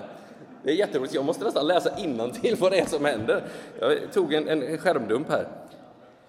För, för, för jag, jag, vet vad jag känner på svenska och det ber jag ut på svenska, men sen så känner jag mig väldigt liten och det gör jag väldigt ofta när jag ska be och betjäna. Så jag ber i tungor och då ber jag för mig själv och jag ber för alla som sitter där. Och jag tackar Gud för att himmelrikets portar är öppna. Och så ber jag ut på arabiska, helig, helig, helig. Och sen så har jag ett personligt budskap till en tjej som heter Maria. Och jag har precis på svenska sagt att det finns någon här som kämpar. Och det är liksom, det väger mellan liksom ljus och mörker och du står i en väldig andlig kamp. Och sedan slår jag över i tungor och säger på arabiska rakt till henne och hon vet, det här är ju till mig. Jag kom till dig för att befria dig. Och sen ber jag över henne när hon kommer fram, låt änglarna komma ner och beskydda henne från striden hon genomgår. Och sen fortsätter det och hon blir mött av den heliga Ande, upplever befrielse och den strid hon genomgår, den vänds till seger i Jesus. Det där har bara fortsatt och stegrat sig eh, allt mer frekvent i möten jag haft i Sverige, i Ekenässjön, i Ekumeniakyrkan där, så betjänade jag på persiska, jag kan inte ett ord på persiska. Eh, och så här har det fortsatt i många, många platser i Sverige. Och i Lidköping, Pingstkyrkan, om ett, ett, ett år, nästa helg, så exploderade det här. Och ja, det var arabiska, det var persiska, det var flera olika språk, det var en förbönskö som var väldigt lång. Och när jag kommer i bilen sen och är på väg hem så känner jag, nu måste jag ringa. Nu måste jag göra det som jag egentligen har insett länge. Gud vill så mycket mer i Sverige. Så ringer jag inte nu så blir det olydnad. Då ringde jag dig Mikael och så frågade jag dig, du ska inte vi göra någonting med det här? Eh, och så hade jag fått ett antal namn och så frågade jag dig, du, vilka tycker du borde vara med? Och så säger du flera av de namnen. Och det är många av dem som ni ser i listan som fortsätter att medverka under den här konferensen. Gud vill så mycket mer. Han är på riktigt, han älskar oss så ofantligt mycket och han har ett ärende till enskilda människor, sådana som du och jag. Slå på radan, sök ivrigt, längta, var törstig. Bibeln har så många uttryck för det här. Tack så jättemycket Jonas.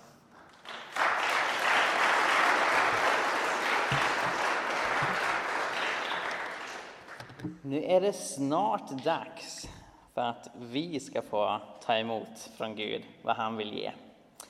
Men först vill jag göra som SVT och påpeka att eh, nu är inte skeptikerna här för att försvara sig. Jag har ju skrivit de här böckerna dels för uppmuntran för de som redan tror, men också för att peka för de som inte tror eller de som velar att det finns goda grunder att säga att Gud existerar, kan gripa in och förvandla våra liv. I den första boken, Dokumenterade mirakler, fokuserade på helanden, tog hjälp av läkarjournaler. I Dokumenterade språkmirakler så har jag satt som metod att just göra flera intervjuer och jämföra dem med varandra. Det är inte för att jag inte litar på Jonas och hans vittnesbörd, men för att kunna visa för de som är skeptiska att det här är väl dokumenterat. Det bygger på flera olika personer som kan bekräfta varandras berättelse. Så jag har ju intervjuat då Maria som hörde Jonas eh, tala arabiska när eh, eh, mina svärföräldrar berättade om Åke som började tala latin så bekräftade jag deras berättelse med ytterligare en person som heter Anita som var med vid samma tillfälle och så vidare. Så totalt har jag gjort väldigt många intervjuer. Jag skulle tro det är över hundra intervjuer som jag har gjort med olika människor just för att peka på att det här är väldokumenterat. Det här är inte min kusins grannes bortsprungna kass nya ägare i Florida långt borta som liksom jag tror har upplevt någonting, utan det här är någonting som faktiskt går att bekräfta. Men skeptiker tenderar att vara skeptiska ändå. Och jag har noterat att det är ju flera som då antingen har eh, börjat läsa boken eller ser liksom info om boken på nätet och sånt där. Och som säger till exempel, nej men de bara ljuger. Allt det här är bara lögn och, och, och bluff och båg, alltihopa.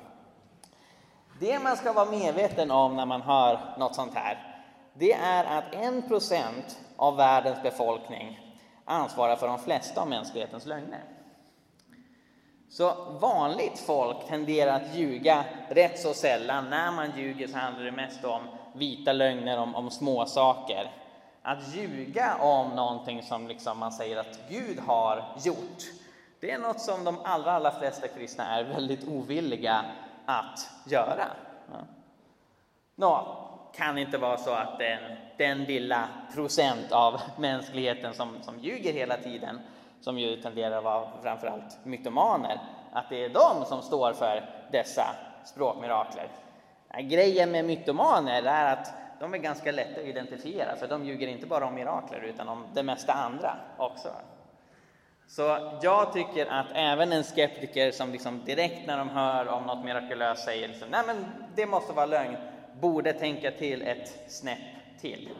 Om vi kan liksom lita på människor i allmänhet när det gäller andra saker, då bör vi även lyssna på vad de har att säga när det gäller det här. Men så finns det skeptiker som säger det är bara slumpen som verkar. Om man talar i tungor helt slumpmässigt, säg att det inte finns en gud och ingen helig ande och man bara liksom häver ur sig massa låtsasspråk som karaktärerna i, i dataspelet Sims. Då till slut så kanske man råkar säga något på finska eller latin eller arabiska. Det, det är kanske bara liksom ren sannolikhetslära. För att testa detta så vände jag mig till någon som kan sannolikhetslära, nämligen en eh, professor Ola Hörser som är professor i matematisk statistik. Och jag tog och skickade en förfrågan till honom. Skulle du kunna hjälpa mig att räkna ut vad sannolikheten är att den här mannen som Tola hörde i Stockholms bönehus som talade finska och sa ”Jag är livets bröd” som är ett citat av Jesus och Gud är universums kung. Vad är sannolikheten att han gjorde det helt slumpmässigt? Ola tog och skrev ett eget datorprogram för att räkna ut detta. Jag kallar det för tungotalsprogrammet. Och han kom fram till att dessa två korta meningar, de är dessutom något kortare på finska. Sannolikheten att man rent slumpmässigt säger dem under samma tillfälle är en på 88 nontiljarder. Det är en siffra som har 57 nollor i sig. Och det är svårt att liksom greppa hur otroligt osannolikt det är, men det är miljarders miljarder mer sannolikt att jag blir träffad av en satellit som faller från rymden om fem sekunder än att det där inträffade av en slump. Och jag överlevde. Så slumpen är egentligen inte ett tillgängligt alternativ för skeptiker när det gäller de här fallen. Sen finns det folk som säger att det kanske är deras undermedvetna som kan de här språken.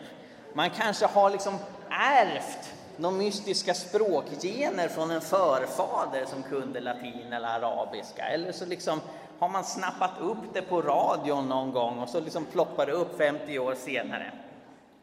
Jag såg faktiskt en person som eh, hänvisade till eh, en spelmekanik i tv-spelet Assassin's Creed där man kan liksom ärva eh, minnen från förfäder som argument för att det är det som händer när det gäller de här språkundren. Men det finns vissa skillnader mellan science fiction, tv-spel och verkligheten. När, när skeptiker ägnar sig åt sådana här teorier, då har de lämnat vetenskapen bakom sig. Och det är det som är så intressant när jag liksom då för fram de här böckerna för skeptiker. Jag finner ju ofta att jag behöver ju vara den som försvarar vetenskapen medan ateister liksom försöker såga sönder den. Antingen de säger ja men läkarna begriper ingenting, de, de gör bara massa fel när de säger att det här saknar vetenskaplig förklaring. Eller att de då kommer med sådana här äh, fantastiska teorier om att ens undermedvetna kan komma ihåg språk i massa år som man inte är medveten om. Det är inget som liksom naturvetenskapen stöder på något sätt, det är mer ateistiska spekulationer för att hantera det här. Nå, jag tänker att eh, vi kan börja göra oss redo för att be om att ta emot de här gåvorna från Gud. Lovsångsteamet kan gärna få komma fram och eh, förebödjarna kan göra sig redo. Och jag vill bara avsluta med att prata om vad de här miraklerna säger om Gud. Jag har varit inne på det lite tidigare. Men det här att Gud låter enkla Åke tala latin, det visar på hans oerhörda makt. Som Paulus skriver i Filipperbrevet 4, allt förmår jag honom som ger mig kraft. Gud kan göra långt utöver det vi kan be om eller ens tänka oss.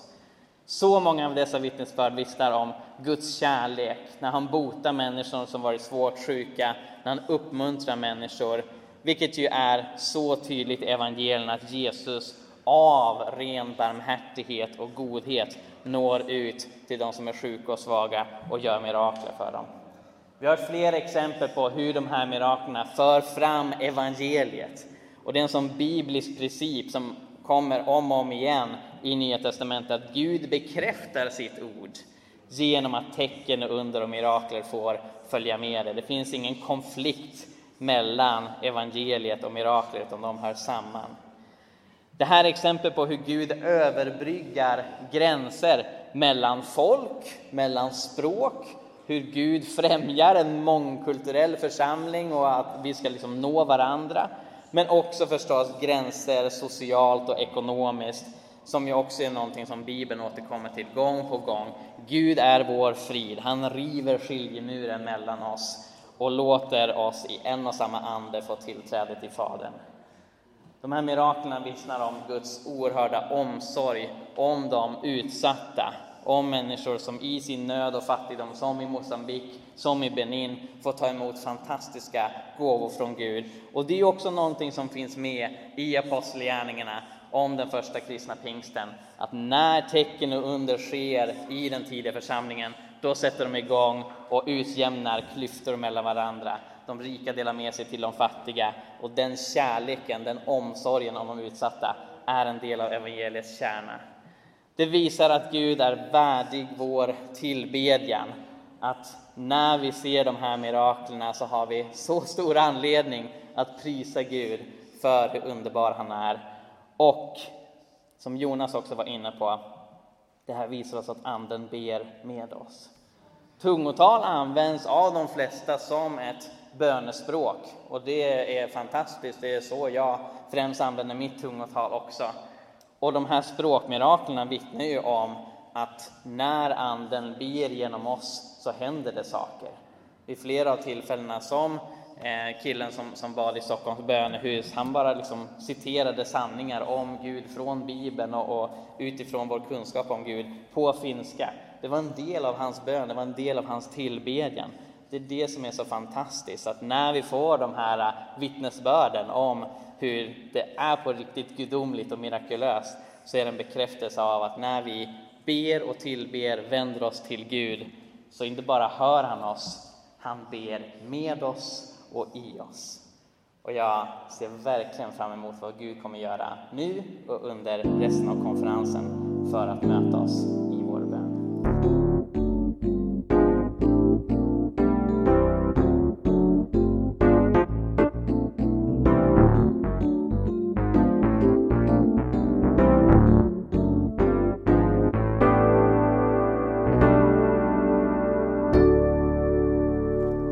för att du lyssnar på Jesusfolket. Om du vill höra mer så se till att prenumerera på iTunes, Spotify eller valfri podcastapp. Du kan också lämna en recension, vilket är en eh, liten grej att göra som hjälper oss väldigt, väldigt mycket, så det uppskattar vi verkligen. Eh, du kan också läsa vår blogg, Hela Pingsten. Vi har mängder med artiklar där om Andens gåvor, evangelisation, fred, rättvisa och allt möjligt annat som har med lärjungaskap att göra, så kolla in det. Och vi finns på sociala medier, du kan följa både Jesusfolket och hela pingsten på till exempel Facebook. Tack så mycket, Gud välsigne dig och eh, fortsätt vara en del av Jesusfolket.